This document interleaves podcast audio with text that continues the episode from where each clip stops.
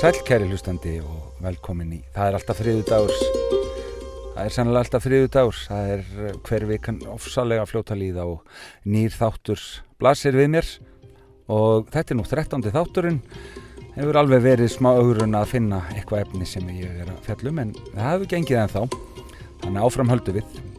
Ég er í góðu samstarfi við akureyri.net sem að byrtir uh, útrátt og þáttunum á þriðutöfum og svo slóð inn á samfélagsmiðla eða, eða Spotify þar sem að þátturinn byrtist. Í þessari viku er ég að velta fyrir mér hvort að heimurinn fari versnandi.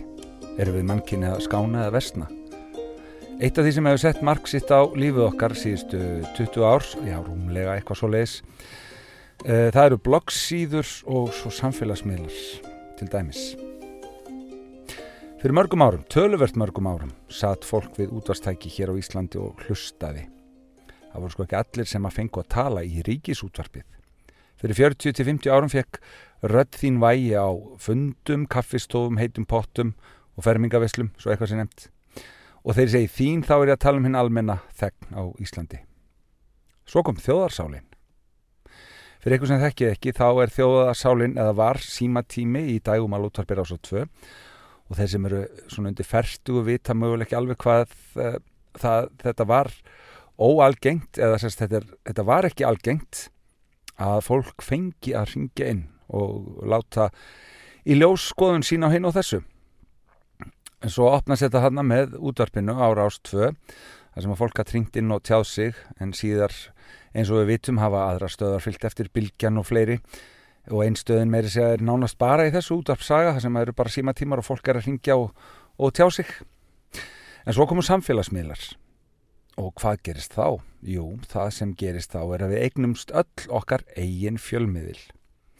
Og ég ætla að horfa svolítið á Facebook þar sem að það eru margir þar þó svona yngra fólki sem er á minna að flýja Facebook þar sem að gamlingjarnir hafi yfirtekið yfirtekið það og svo er þetta Instagram líka mjög um, mikið notað og, og, og vinsalt, breyður hópur. Ég ætla að lítið að tjá mig um TikTok ég er orðin það gammal ég þekki það svo lítið. En við erum með Facebook þar sem fólk lætur að vísu sjálfnast andlitslaust eins og nafni gefur til kynna í ljós skoðun sína og stundum á frekar óheflaðan hátt. Við höfum flest þörf fyrir að segja skoðanir okkar að hafa rödd einhver staðar og svo rött hefur dundrast á liklaborði með fúkirðum og vil bara ílsku og svo verðum við alveg byllandi sjálfkverf. Eins og til dæmis, þjóðþektur einstaklingur kaupir sér nýja íbúð og frétta við verið pikka það upp og skrifum það. Þá mætir Jónu Jónsson með fræga kommentið og hvað kemur mér það við? Og það kemur fréttum úlinga og skjáttíma þeirra og á dag og, og ákveðin aldurshópur segir Þetta var nú ekki svona þegar ég var ung eða ungur, ég var farin að kera skýtfjórar og leika mér úti og svo leiðis. Eða þetta var alltaf svona í mínu ungdæmi og ekkert af steg. Þegar rættum eitthvað sem er hægt að gefa börnum eða gera við börn í dag sem var gert áðurs. En þráttur þetta hafi ekki drepið suma þá þarf ekki að vera hluturinn hafið talist góðurs. Nei, einmitt, það var ekki allt betra hérna áður fyrr. Ég hef nú komið inn á það áður hérna á þriðudögunum. Við vissum minna sem gerði það verkum að við vorum miklu fordómafyldri. En það eru ymsal hliðar á þessu. Ég held til dæmis að það hendi oft stjórnvöldu mjög illa að almenningur hafi rött, eins og flokksblöðin og miðlarnir sem að vilja öruglega ekki að almenningur hafi ómikla rött, nema þessi almenningur sé inn á þeirra línu sem segir okkur að þetta er alls ekki alls slæmt því samfélagsmiðlar veita aðhald en svo eru auðvitað stutt í vittlesuna og óþverran. Já, óþverran. Tökum dæmi.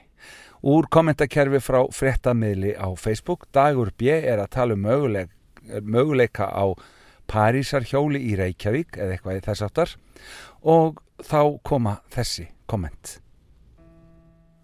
Kemur hann með þetta á ruslabilnum? Það er ekki lægi með mannin. Veruleika fyrtur. Greinilega ekkert á milli eirnana á sér fýbli nema að vera skildi plastrur. Á ekki dagur að vera lokaður inni við sundinblá. En eitt bulli frá þessum mönnum. Djöfussis fáiði. Á hvaða eitlifjum er fýblið núna? Þetta var nú aldrei fallegt og þegar maður heyrir þetta að lesa upp þá fer, mista, fer mér að mista að líða bara hreinlega illa. Og hvernig skildi aðilanum sem leifir sér að skrifa svona líða ef að þetta væri sagt um einhvern sem viðkomandi elskar? Sko dag og bíja álveg börn, uh, hafa þessir aðilar eitthvað hugsað út í það? Trúlega ekki hvað veldur þessu? Erum við að verða meira og meira vond eða er skjóli við liklaborðu og gremjan sem hleypur í okkur við að lesa eitthvað að valda þessu? Erum við að drepast og minnum áttakent? Eða höfum við ekkert breyst? Höfum við bara meiri vettvang til að tjá okkur? Verðum við svona eftir 20 ár? Eða verðum við búin að læra þessu og lítum á svona hegðun verulegu hortneiga?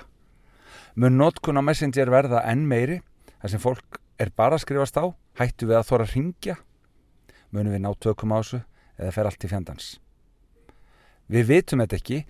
Einhver, get, hefur, einhver getur haft skoðun á þessu en við getum ekki sagt það með vissu. Eitt er víst. Ef þú ert reið reiður og skrifa ljótt komment eða post á til dæmis Facebook gemdu það þangu til daginn eftir lestu það og hendu því svo. Og eftir einn ei kommenti neitt. Það var Fanny Lind Pétursdóttir sem að lasa upp ógeðfeldu kommentin hann á undan og áttir hendar hugmyndi að efni þáttanins og lagði til ímsa punta. Takk fyrir það Fanny mín. Kærleikur og gæska á líka heima í nettheimum. Það er okkar og í okkar höndum að hafa það að leiðaljósi og gera þannig raunheimana betri. Guð veri með þér.